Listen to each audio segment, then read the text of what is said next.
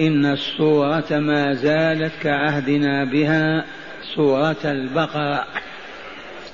وإن الآيات المباركات التي نستعين الله تعالى على تفسيرها وفهم معانيها سائلين الله عز وجل أن يرزقنا الاهتداء بهديها والعمل بها. إنه قريب مجيب سميع الدعاء. قراءة تلك الآيات بعد أعوذ بالله من الشيطان الرجيم. ود كثير من أهل الكتاب لو يردونكم من بعد إيمانكم كافرين. يردونكم من بعد إيمانكم كفارا حسدا من عند أنفسهم. من بعد ما تبين لهم الحق فاعفوا واصفحوا حتى يأتي الله بأمره. إن الله على كل شيء قدير. وأقيموا الصلاة وآتوا الزكاة. وما تقدموا لأنفسكم من خير تجدوه عند الله. إن الله بما تعملون بصير. معاشر المستمعين والمستمعات من المؤمنين والمؤمنات. قول ربنا جل ذكره ود كثير من أهل الكتاب. هذا خبر والمخبر هو الله جل جلاله. هذا خبر اسمع هذا الخبر ود كثير من أهل الكتاب لو يردونكم من بعد إيمانكم كفارا. نصدق خبر الله؟ الله أكبر. من الجائز أن يكذب غير الله والمرسلين والأنبياء أما الله عز وجل العليم الحكيم فهذا خبر. من شك فيه كفر. ودع بمعنى أحب ورغب فوق العادة. كثير وهذا من الاحتراس المطلوب.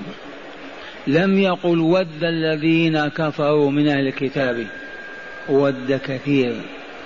قد يوجد فرد وأفراد في المدينة في القرية في الإقليم في القرن من القرون لا يودون هذا الود الباطل الفاسد الناتج عن الحسد. لكن كثير صيغة كثير دال على أن كثيرا من أهل الكتاب وهم اليهود والنصارى. كثير منهم يودون كفرنا.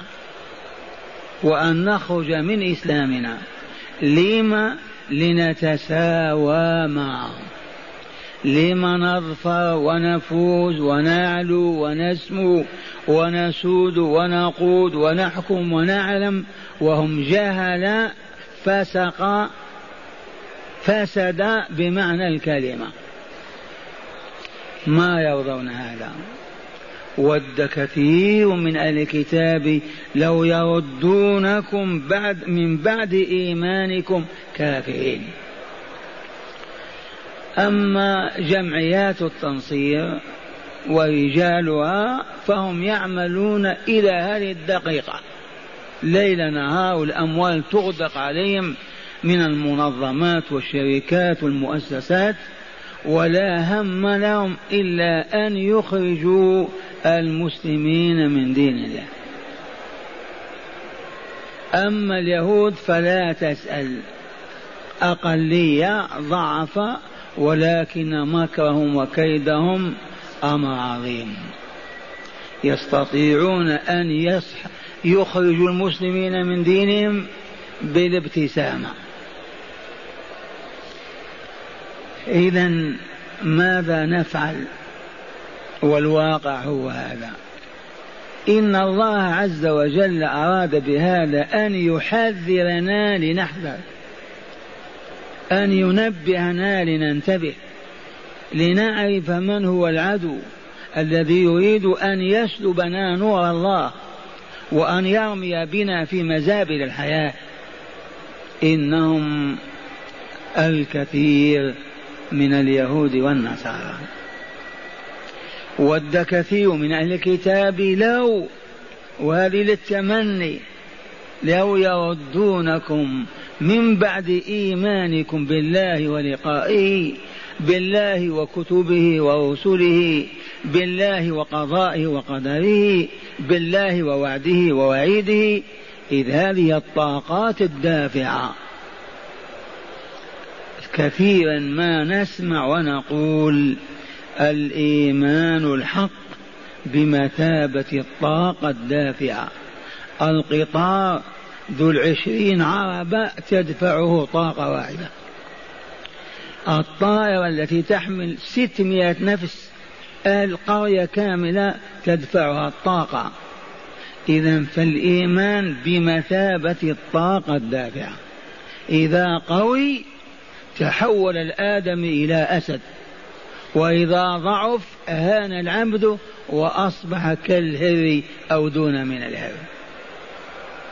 إذا قوي هذه الطاقة في النفس صام الدهر خاض المعارك جاع صبر يستطيع أن يصبر على الغريزة خمس وعشرين سنة وهو يتنقل من ثغر إلى آخر. يجاهد ولم يعرف النساء ولم يفكر في الفروج.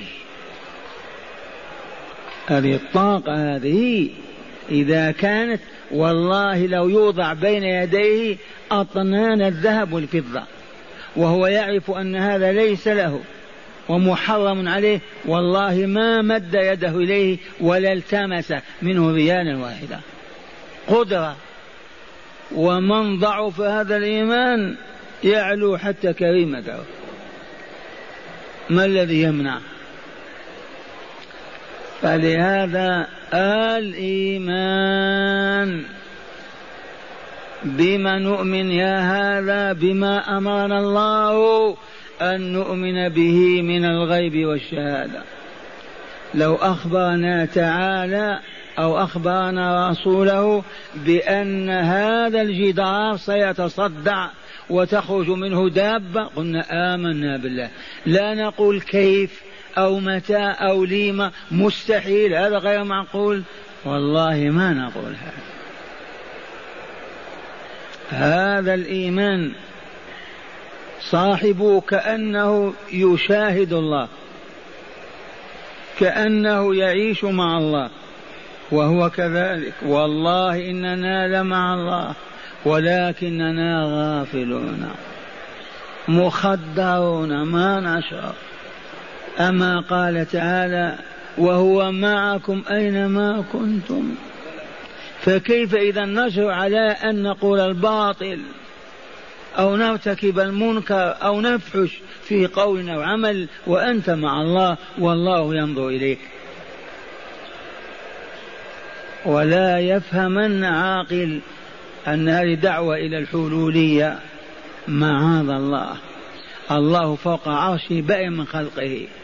وإنما نحن بين يديه.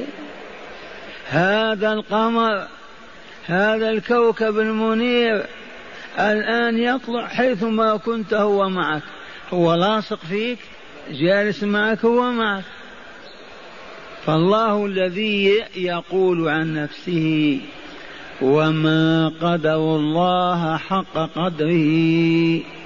والأرض جميعا قبضته يوم القيامة. والسماوات سبع. والسماوات مطويات بيمينه. سبحانه وتعالى عما يشركون. تريد أن تفهم أنك مات مع الله؟ حركاتك سكناتك خواطر قلبك ونفسك الكل بين يدي الله. الله الله. لو تغلغل هذا الإيمان في قلوب البشر وأصبحوا يعيشون مع الله من يجر على أن يسب مؤمنا أو أخاه؟ من يقدر على أن ينظر نظرة؟ حرمها الله. فتأمن البلاد والعباد. لا سرقة لا زنا لا كذب لا غش لا خداع لا شحة لا بخل لا باطل لا زور. سبحان الله. أصبحنا في جنة الدنيا كأننا في الملكوت الأعلى. وهذا الذي من أجله أنزل الله الكتاب وبعث الرسول. إذا ود كثير من أهل الكتاب لو يردونكم من بعد إيمانكم كافرين كفارا. والكفار جمع كافر. ما معنى كفار ما هو الكفر هذا؟ الكفر لغة التغطية. حتى إن الفلاح الذي يبذر البذر في الأرض ويكفره بالتراب حتى لا تلتقطه الطيور. يقال فيه كافر. واقرأوا لذلك قول الله تعالى كمثل غيث أعجب الكفار نباته. كمثل مطر نزل أعجب الفلاحين نباته. إذا فالكفر التغطية والدس. كيف يكفر الله يا عبد؟ في من يقدر على أن يستر الله ويغطيه؟ نعم. يكفر الله يقول لا وجود له. أين هو؟ غير معلوم ولا معروف ولا موجود ولا ظهر كفره بالنسبة إليه ولمن يعلمهم الكفر. إذا فالكفر الجحود والتغطية. يريد أعداء الإسلام من أهل الكتاب في الزمان الماضي والحال والمقبل والمستقبل يريدون أن لا نقول لا إله إلا الله. إذا ماذا نقول؟ نقول الآلهة ثلاثة. ثلاثة أقانيم. الروح القدس والأب والابن. خرافة. العجب من خرافة كهذه وتستقر في عقول حكماء أطباء طيارون خبراء وتستقر في أذانهم أن الله مكون من ثلاثة أقانيم. هذا هو الإله.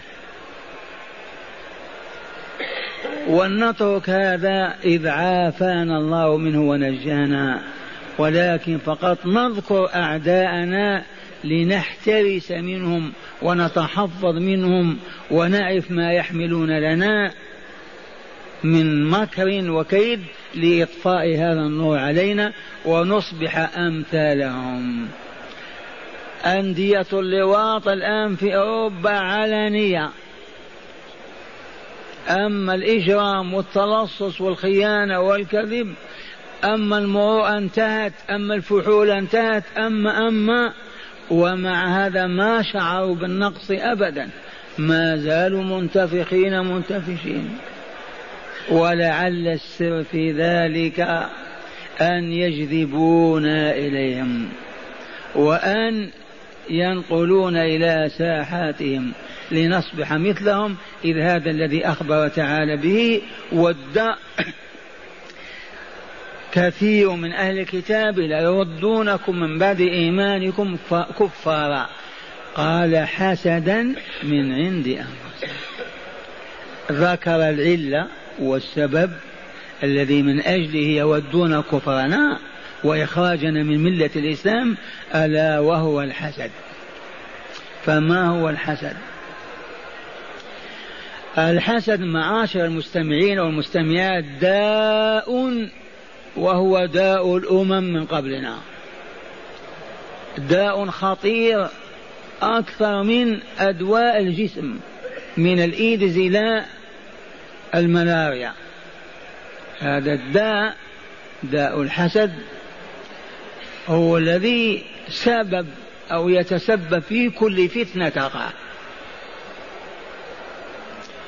والحسد عندنا ثلاثة أنواع.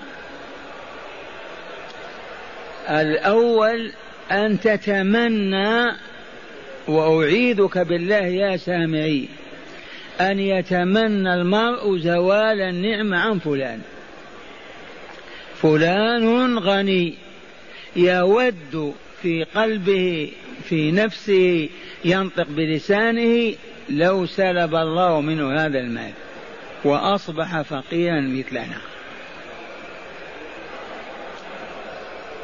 هذا نوع. وأخطر منه أن يتمنى زوال النعمة عن فلان ولو لم تحصل له هو. النوع الأول إذن أن ترى مثلا جميلا سليما صحيحا تقول آه لو كنت مثله. وتحب من كل قلبك أن تكون هذه النعمة لك أنت دونه. وهذا أخف من الثاني الذي هو أن يتولى زوال النعمة عن فلان ولو لم تحصل له. المهم أن يراه فقيرا أو أعمى أو مريضا أو ذليلا. ولو لم يحصل له ذلك النعيم الذي حسده من أجله. إذا هيا نطهر قلوبنا فلا يبيتن أحدنا ليلة إلا وقلبه خال من هذه الأمنيات الكاذبة الفاسدة. أعطى فلان ربه الذي أعطاه ما أنت؟ وهبه علما وهبه مالا شرفا صحة بدنية وهبه ما شاء. اسأل الله أن يعطيك مثله. أنت عبده وهو عبده. أما أن تعترض على الله وتقول لي ما أعطاه وأنا ما أعطاني فهذا الموقف لا يقفه ذو إيمان. لأنه سفه الله عز وجل ودع أنه ظلم أو لم يعدل. كيف يعطي فلان ولا يعطيني؟ هذا الموقف لا يقفه مؤمن بحق. أما الثاني أن يتمنى زوال هذه النعمة ولو لم تحصل له. المهم ألا أراه يركب هذه السيارة أو هذه البغلة أو الدابة. وهناك نوع ثالث أطلق عليه الرسول صلى الله عليه وسلم. لفظ الحسد وهو في الحقيقة غبطة وليس بحسد. إذ قال صلى الله عليه وسلم لا حسد إلا في اثنتين فقط فيهما أحسد. الأولى أن ترى أن ترى رجلا ذا علم يعمل بعلمه ويعلمه فتتمنى على الله أن لو تكون مثله. تعلم وتعمل بعلمك وتعلمه الليل والنهار. رجل آتاه الله الحكمة فهو يعمل بها ليل نهارا هذا الاغتباط محمود. أو ترى رجلا غنيا ثريا كثير المال ينفقه ليل نهار. يده سح الليل والنهار.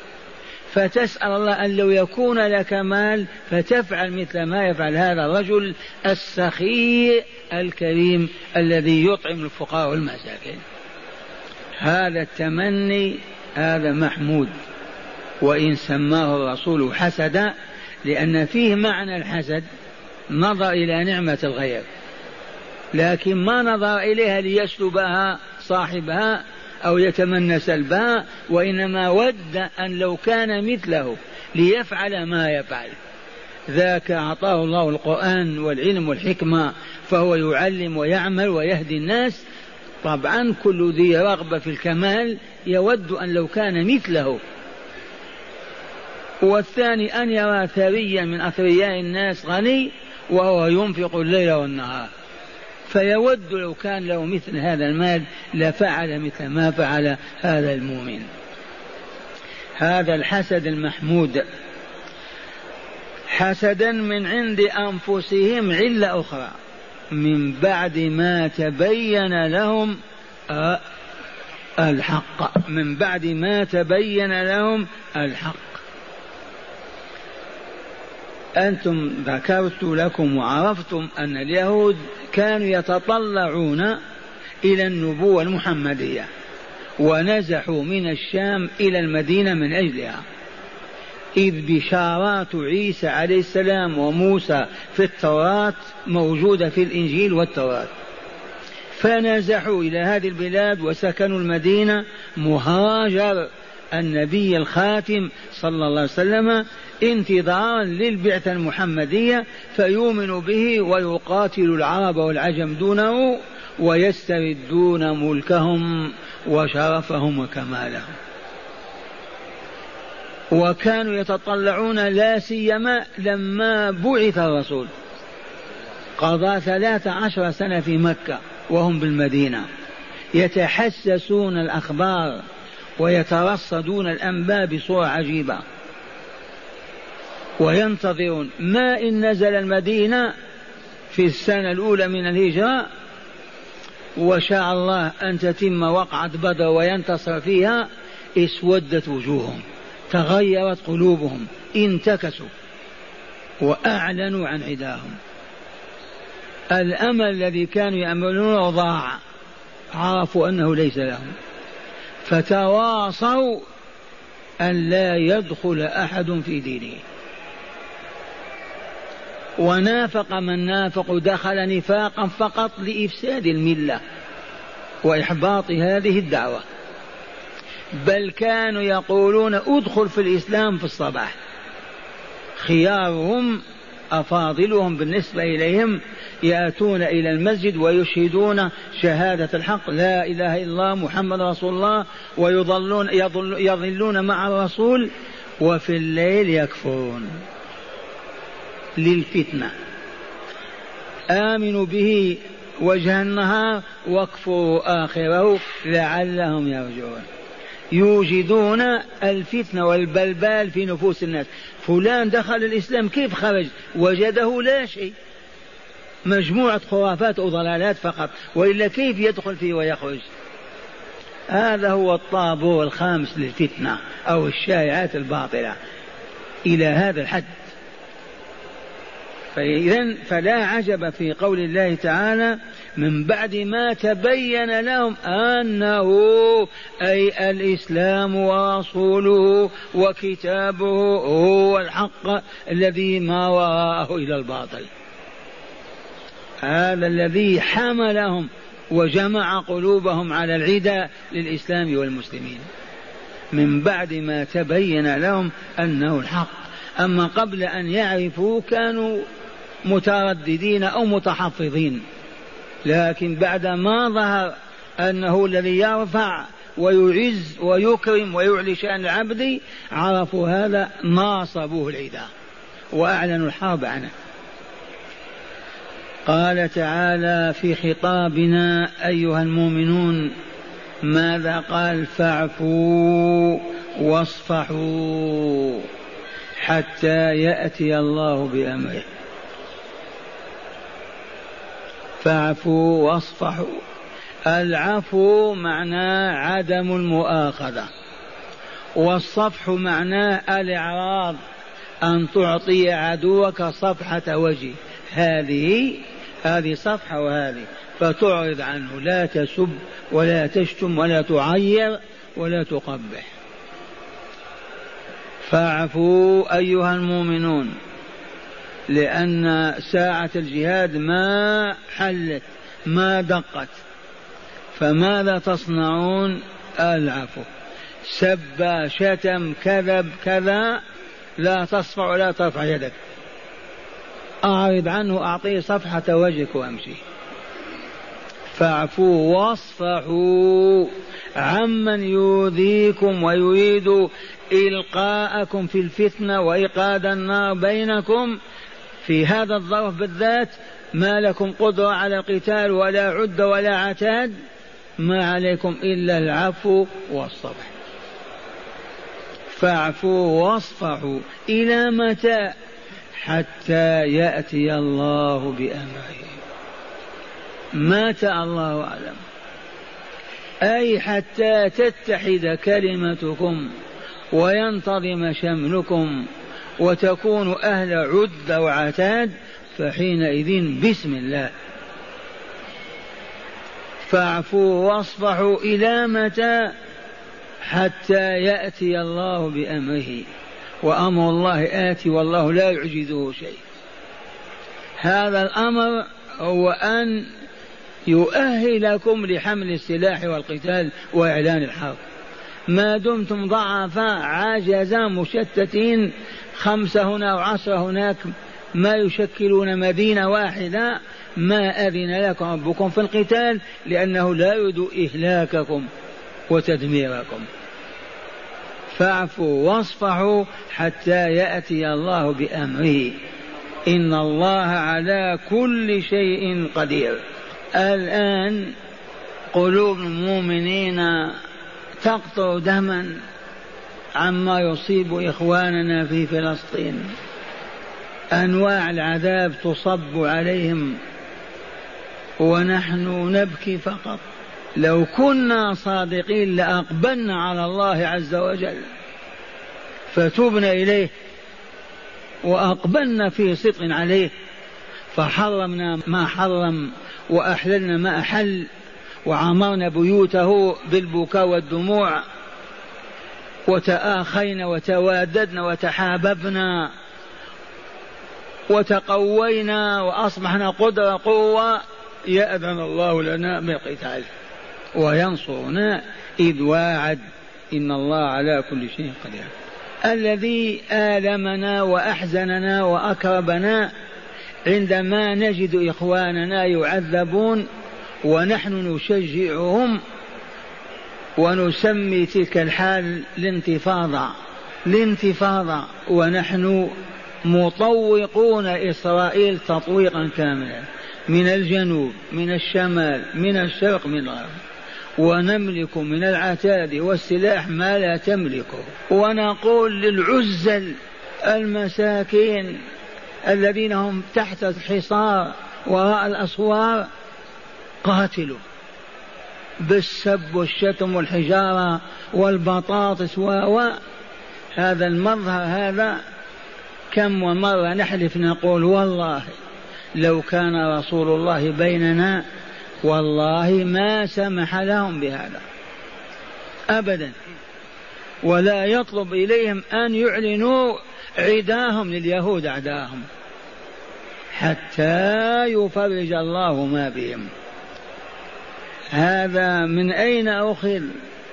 فاعفوا واصفحوا حتى يأتي الله بأمره. فالمسلمون الآن مع الضعف والعجز المفروض أن يسلكوا هذا المسلك الرباني. إذ قال لهم وأقيموا الصلاة وآتوا الزكاة. فكنت أود من إذاعاتنا الإسلامية وكتابنا أن يقولوا لإخواننا اصبروا. ملئوا بيوت الله بالبكاء والصلاة والدعاء. تحابوا توادوا أظهروا الإسلام حتى يفرج الله عز وجل. لا نقول لهم اثبتوا على السب والشتم والتعيير والاغتيالات. كأننا ما عرفنا كتاب الله. ولا عرفنا سيرة رسول الله صلى الله عليه وسلم. فالرسول إخوانه يعذبون في مكة بأبشع أنواع العذاب. يغمسون في الماء حتى الموت. يسحبون على الرمضاء والأرض الحارة ما قال لواحد سب ولا اشتم بل قال ولا تسبوا الذين يدعون من دون الله فيسبوا الله عدوا بغير علم. ويشكون فيقول اصبروا اصبروا. وجاء المدينة فحصل الذي حصل في مكة.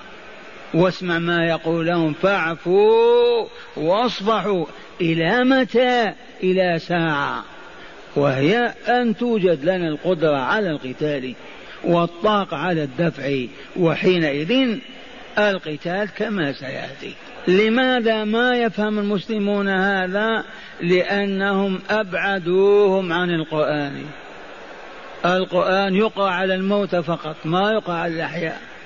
وهذا الذي نقوله ونكرر بالأمس قلنا دلوني على رجل يمر بأخيه يقول من فضلك اجلس أقرأ علي شيء من القرآن أتدبر وأتأمل فيه. هاته لا أحد. إذا هذه عبارة الكتاب الكريم.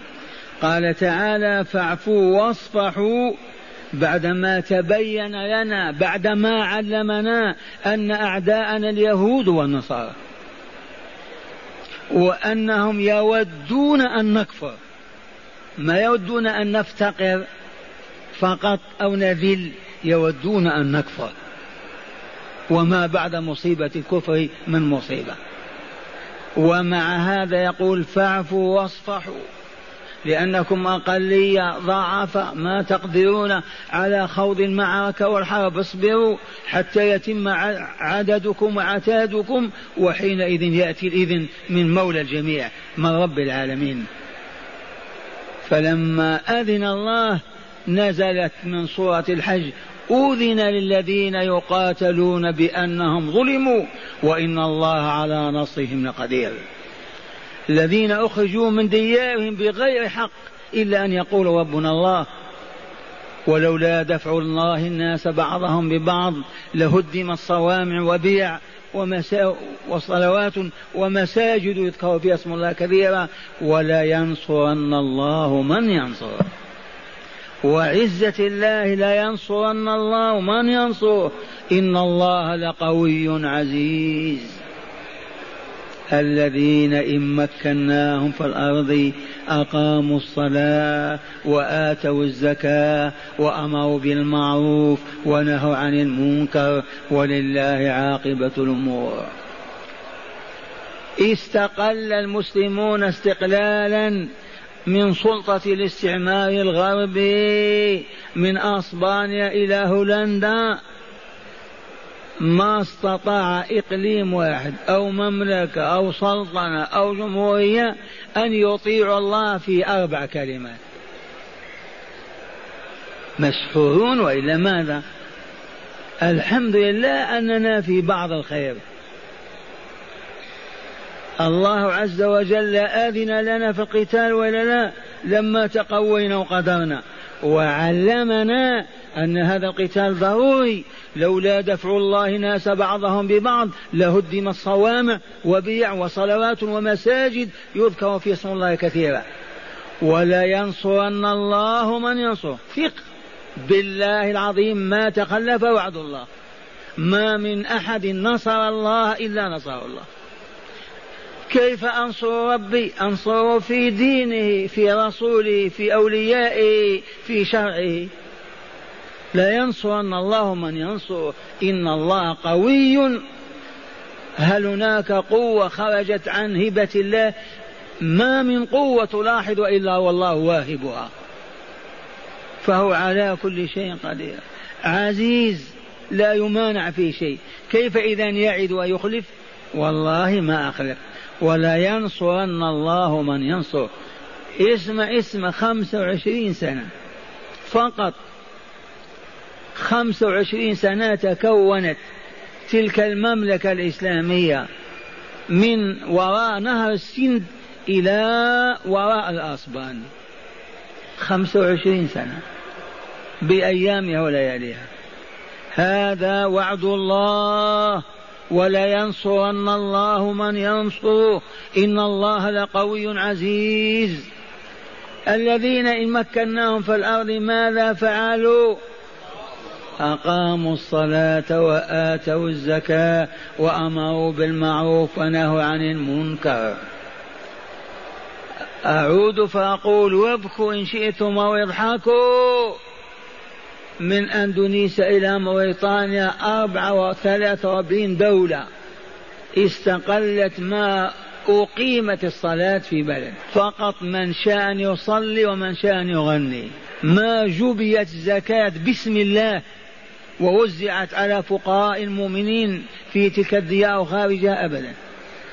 ما وجد من يامر بمعروف وينهى عن منكر. منظمة مهمتها في القرية ثلاث أنفار من رجال العلم كبار السن. أنتم مسؤولون عن القرية. إذا شاهدتم منكرا أطفئوه أحبطوه غيروه زيلوه شاهدتم معروفا ترك بين إخوانكم مروا به وألزموا به حتى يفعله. الزكاة باسم الزكاة بسم الله ما جبيت. أين المسلمون؟ يحار العقل. كيف نستقل من سلطة بريطانيا من أجل أن نقيم شرع الله ودين الله لنعبد الله ننتكس فنتغير ونتنكر لدين الله. وما زالت غضبة الله ما هي ببعيدة. لا يفرحن الغافلون. سئل أحدهم أين الله؟ قال بالمرصاد إن ربك لبالمرصاد وآية هذا أن أذلنا لليهود. أذلنا والله أذلنا. وليس اليهود هم الذين أذلون حفنا خمس ملايين. والله لا أذلنا إلا الله. هو الذي سلب معارفنا ومفاهمنا وعقولنا وطاقاتنا وتركنا كالبهائم. لما يفعل بنا هذا؟ لأنه مكنا وقلنا لا لا لا لا. مكناكم. طردنا بريطانيا وفرنسا وإيطاليا من دياركم. أنتم السادة أنتم الحاكمون. اعبدوا الله. مو بالمعروف عن المنكر. لا هل فهم السامعون والسامعات هذا وإلا لا؟ يا شيخ دعنا من الماضي. من غد. ما المانع لأي بلد إسلامي أن يجبر المؤمنين على أن يغشوا بيوت الله ويشهدوا الصلوات الخمس ولا يتخلف أحد أبدا. ما المانع ما المانع أن تجبى الزكاة باسم الزكاة فريضة الله قاعدة الإسلام الخامسة؟ ما المانع ما المانع أن يوجد في كل قرية وفي كل حي مجموعة موظفون لا بأس براتب مهمتكم أن تشاهدوا. إذا شاهدتم منكرا غيروه. فإن الرسول ألزمنا بهذا. من رأى منكم منكرا فليغيره بيده فإن لم يستطع بلسانه إذا رأيتم معروفا متروك مروا الناس به يفعلوه.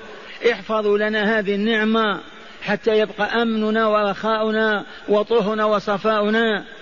نخشى أن نسلب هذا النعيم إذا ما نحن سلكنا هذا السبيل سبيل الله عز وجل. هل وجد هذا؟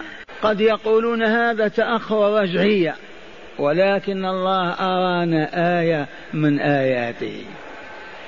هذه الديار ديار الإيمان قبل وجود دولة تأمر بالمعروف وتنهى عن المنكر. كيف كانت هذه البلاد؟ ما حدثكم آباؤكم؟ آه. ما كان الحج الحاج يسقونه الماء الحار حتى يفرز الدينار من بطنه. كيف كانت؟ كانت القبور تعبد أكثر مما تعبد في دياركم. الأشجار تعبد. جاهلية عمياء. كيف تحولت؟ والله ما تستطيع أمريكا تفعل هذا. ولا روسيا الحمراء ولا بلد. فيتحقق أمن تمشي من طرف المملكة إلى آخر لا تخاف إلا الله. والله إن بيوتا تبيت بلا أبواب. والله إن بائع الذهب لا يضعون إلا خرقة على دكاكينهم كيف تم هذا؟ بالسحر بالمال. أين المسلمون؟ ما لهم عموا ما يشاهدون هذا؟ مسحورون. كيف تكون؟ كيف تم هذا؟ فقط لأن عبد العزيز عبد بن عبد الرحمن آل سعود غفر الله له ورحمه لما حاول أن يوجد الدولة الإسلامية وهو خارج من البلاد عزم أن يقيمها على هذه الدعائم الأربعة التي لا تقوم دولة أبدا إلا عليها وإلا فهي دولة هاوية السلك وسلطانه وإن طال الزمان لا هلك. فأوجد الأمر بالصلاة. منين جاء بها اسمع الآية تقول وأقيموا الصلاة وآتوا الزكاة. هذا وقتكم يا عباد الله قبل أن تعلن الحرب. أقيموا الصلاة وآتوا الزكاة لأن إقام الصلاة بالمعنى الذي يريد الله. إذا قال حي على الصلاة لم يبق باب مفتوحا. والله لقد كان أحدهم في يده المطرقة يرفعها ليضرب الحديدة إذا سمع حي على الصلاة وضعها جانبا. الإبرة في يده يخيط بها. إذا سمع حي على الصلاة ما يدخلها في الكتانة. ويأتي الصلاة. نحن ما نعرف إقامة الصلاة ما. والله لا خير من كل قوى الأمن. الأمن موجود في بلاد العالم ولا لا؟ بوليس ونظام بدقة هل ما في سرقة ولا تلصص ولا جرائم؟ هل نفع البوليس؟ والله لو قيمت الصلاة في قرية أو بلد أو عالم كما يريد الله ما احتجنا إلى شيء اسمه بوليس. ولا توجد سرقة إلا في الدهر مرة من شاد من الشوارع عن هذا والمسلمون عميا ما يبصرون أبدا. إلى الآن ما بلغنا أن حاكما استفاق.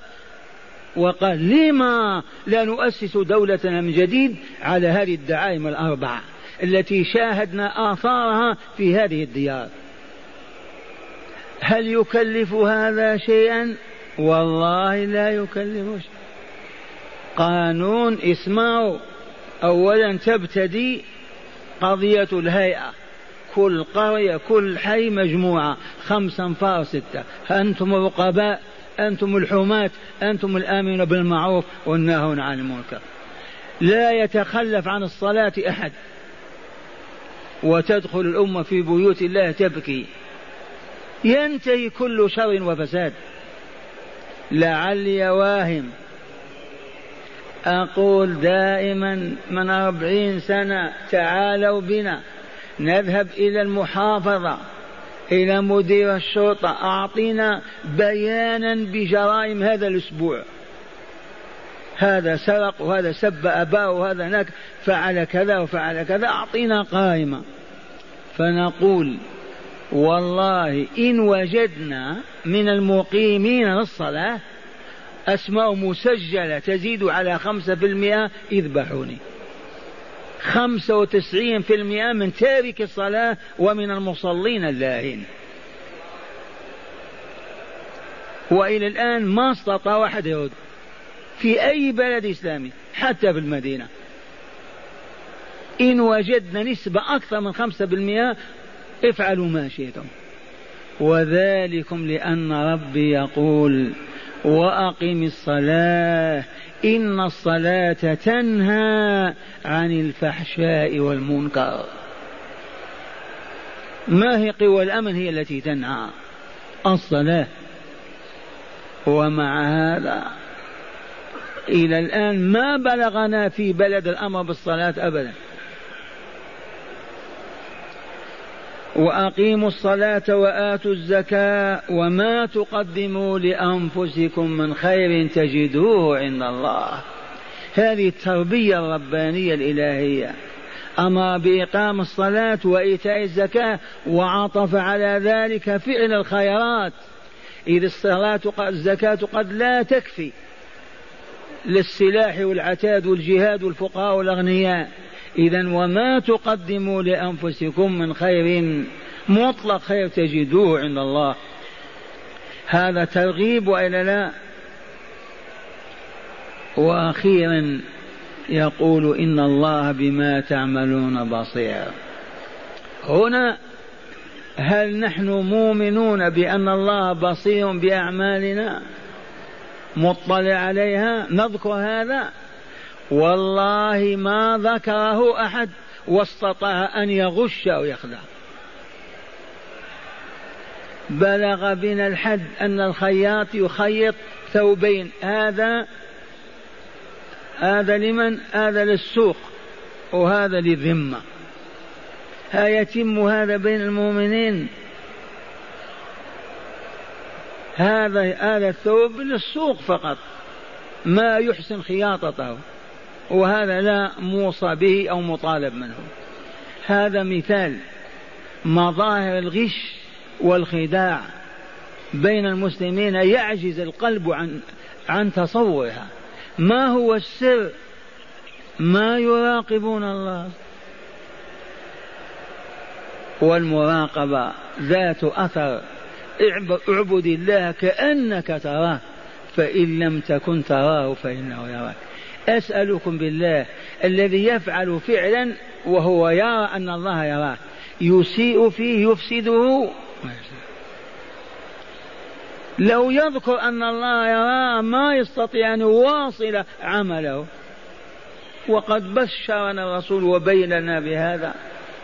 ذاك الإسرائيلي الذي راود ابنة عمه عاما كاملا. وهو يراودها عن نفسها وهي تتمنع لإيمانها. ولما اضطرت الحاجة وألجأ الفقر والخصاصة وسلمت نفسها مكرهة لجوعها. ما إن جلس منها مجلس الرجل من امرأته وقالت له وقالت له أما تخاف الله بأي حق تفتض هذا الخاتم؟ قام الشاب يرتعد وترك المال وهو يصرخ ويبكي. هذا ذكرته فذكر. قلبه حي غشيته غفلة وضلالة ما إن فطن صرخ. وإن قلنا هذا في بني إسرائيل والعهد بعيد. عندنا في المدينة في سوق التمار على عهد أبي القاسم صلى الله عليه وسلم.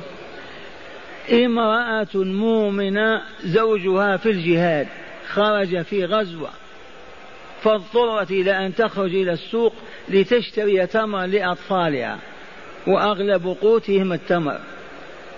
ما إن اشترت منه وهي محتجبة لا يرى منها شيء لكن أخرجت يدها وفيها النقود. كيف تعطيه النقود؟ ما إن شاهد كفها يلوح كالقمر حتى غشيه الشيطان وغطه وقبل ذلك اليد. فانتزعت يدها منه. ما إن استفاق والله إلى جبل أحد. وهو يصرخ في الشوارع يبكي ويحثو التراب على رأسه وينتف في شعره. عرفتم الإيمان حتى دخل إلى المسجد النبوي وشكا إلى رسول ما أصابه وسلاه الرسول وصباه. قال صليت معنا هذه الصلاة؟ قال نعم. قال وأقم الصلاة. طرفي النهار وزلفا من الليل. إن الحسنات يذهبن السيئات. ذلك ذكر الذاكرين. إذا ولو أخذنا بهدي القرآن عدنا للهداية القرآنية آية من سورة العنكبوت. اسمعوا الله يقول. يقول في خطاب رسوله صلى الله عليه وسلم وأمته تابعة له. يقول له مربيا معلما حتى يتخرج ربانيا. يقول له أتل ما أوحي إليك من الكتاب. هذه خطوة. اقرأ يا رسولنا ما أوحاه الله إليك من الكتاب. والله إن قراءة القرآن لا على الموتى ولا من أجل الحفظ ليقال حافظ. قراءة القرآن للتدبر والتفكر واجتلاء العبارة وأخذ المعاني والهدى والنور. هذه القراءة هذه لا يعادلها شيء إلا ما ذكر معها. أتل ما أوحي إليك من الكتاب يقوى إيمانك تتم قدرتك يحسن قل ما شئت من آدابك وأخلاقك وكمالاتك لأنها طاقة كاملة من النور تفترق منها أنت لنفسك. أتل ما أوحي إليك من الكتاب وأقم الصلاة. وإقامة الصلاة يا معاشر المستمعين اسألوا الفقهاء. لا يقال أقامها وهي معوجة ولا ناقصة إلا إذا أداها الأداء المشروع بكامل شروطها وأركانها وسننها وآدابها حتى تتولد منها تلك الطاقة النورانية المسماة بالحسنات. واقم الصلاة. لم يا الله؟ إن الصلاة تنهى عن الفحشاء والمنكر. هذان اثنان. والثالث ولذكر الله أكبر. ولذكر الله أكبر. أريني مؤمنا يذكر الله بقلبه ولسانه ويستطيع أن يسب أو يشتم وهو يذكر؟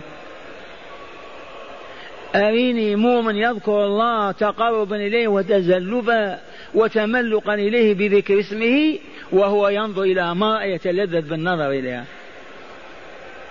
أريني ذاكرا لله بقلبه ويطفف في كيل وزنه. يعد وهو عازم على أن يخلف. يستدين وهو عازم على أن لا يقضي ولا يرد. والله ما كان. فكل الجرائم التي ترتكب سببها النسيان. ما ذكروا الله ولا سألوا عنه كل الذي يحدث من الفساد والشر ناتج عن الغفلة عن الله. إما ما عرفوه أو ما عرف معرفة كاملة فنسوه وتركوه. فحصل الذي حصل. ولذكر الله أكبر. والرابعة والأخيرة والله يعلم ما تصنعون. كقوله إن الله بما تعملون بصير. اسمع حركاتك وسكناتك عملك داخل البيت خارجها هو تحت نظارة الله. انتبه أنك مراقب في سلوكك. فهذا الذي يشعر بأنه مراقب يستطيع أن يغش أو يفسد أنا أود أن تدلوني على رباني عرف الله وأحبه. واستقام على طاعته أنه يفسد بينكم. هاتوا. فكل الفساد والشر من الغافلين والجاهلين والذين لا بصيرة لهم. إذا كيف نرجع؟ ما الحل يا عباد الله؟ ننتهي حتى يجي عمر بن الخطاب. والله ما يجي. وإذا جاء عمر يبدأ كما قلنا لكم. نبدأ في صدق وإلا لا عندنا الآن زوار من الشرق والغرب. جربوا. ما عندكم قرى توجد قرى. فيها مئتين ثلاثمائة ساكن إلى ألف. أهل القرية يتعهدون في صدق. ألا يتخلف رجل ولا مرأة إلا ذو عذر. وليشهدوا كلهم صلاة المغرب والعشاء في مسجد الله. في بيت الله. يجتمعون ما يبقى في البيت أحد. أما الدكان أما المقهى لا مقهى ولا دكان. أهل القرية كلهم في المسجد. النساء وراء حجاب أو ستار والفحول أمامهن والمعلم بين أيدي الجميع. ليلة آية وأخرى حديثة طول العام يتعلمون الكتاب والحكمة. وتزكى أنفسهم وتطهر أخلاقهم وتسمو آدابهم. سنة واحدة كيف يصبح هذا الحي أو القرية؟ تنتهي كل الإحن والمعن والأباطيل والترهات والخرافات والضلالات لأنها نور الله. آمنوا بالله ورسوله والنور الذي أنزلناه. هذا الكتاب الكريم. لم ما نعمل هذا؟ سبحان الله العظيم. سنة كاملة ونصف ونحن ننادي بهذا. وكتاب المسجد وبيت المسلم موجود. أهل البيت في بيتهم يجتمع الأطفال وأمهم وأبوهم ويجتمعون بين يدي أبيهم يقرؤون آية من كتاب الله ويتغنون بها بأنغام لذيذة طيبة حتى يحفظوها. ويبين لهم مراد الله منها والمطلوب ما هو. إن كان عقيدة عقدوها لا تنحل من قلوبهم. كان أدب من تلك الساعة التزموا به وتأدبوا. خلق تخلقوا. واجب عرفوا منكر تركوه. لما ما نفعل؟ والله لو جاء عمر ما يفعل إلا هذا. أما السيف ما ينبع بين السيف. ما هو إلا أن نعود إلى الله. لأننا قادرون والحمد لله. الرسول في ثلاث في خمس أيام بنى مسجد قوبة. في أقل من شهر بنى هذا المسجد. ما نحتاج إلى عناء ولا مشقة. الخشب والحطب.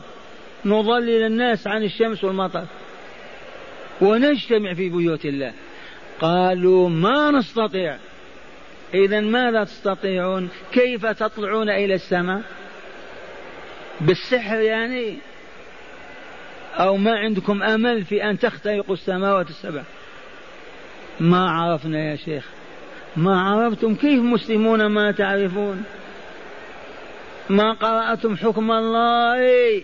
قد أفلح من زكاها وقد خاب من دساها هل قام رجل في القرية وقال يا شيخ أنا أريد أن نزكي نفسي بماذا؟ ما هي أدوات التزكية هذه؟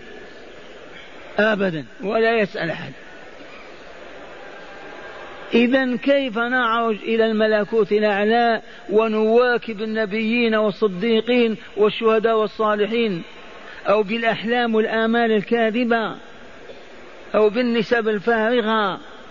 حكم الله صدر. ومن يطع الله والرسول فأولئك مع الذين أنعم الله عليهم من النبيين والصديقين والشهداء والصالحين. والفتن تنتقل من بلد إلى بلد وهي عارمة ولا يطفئها إلا أن نعود إلى الله.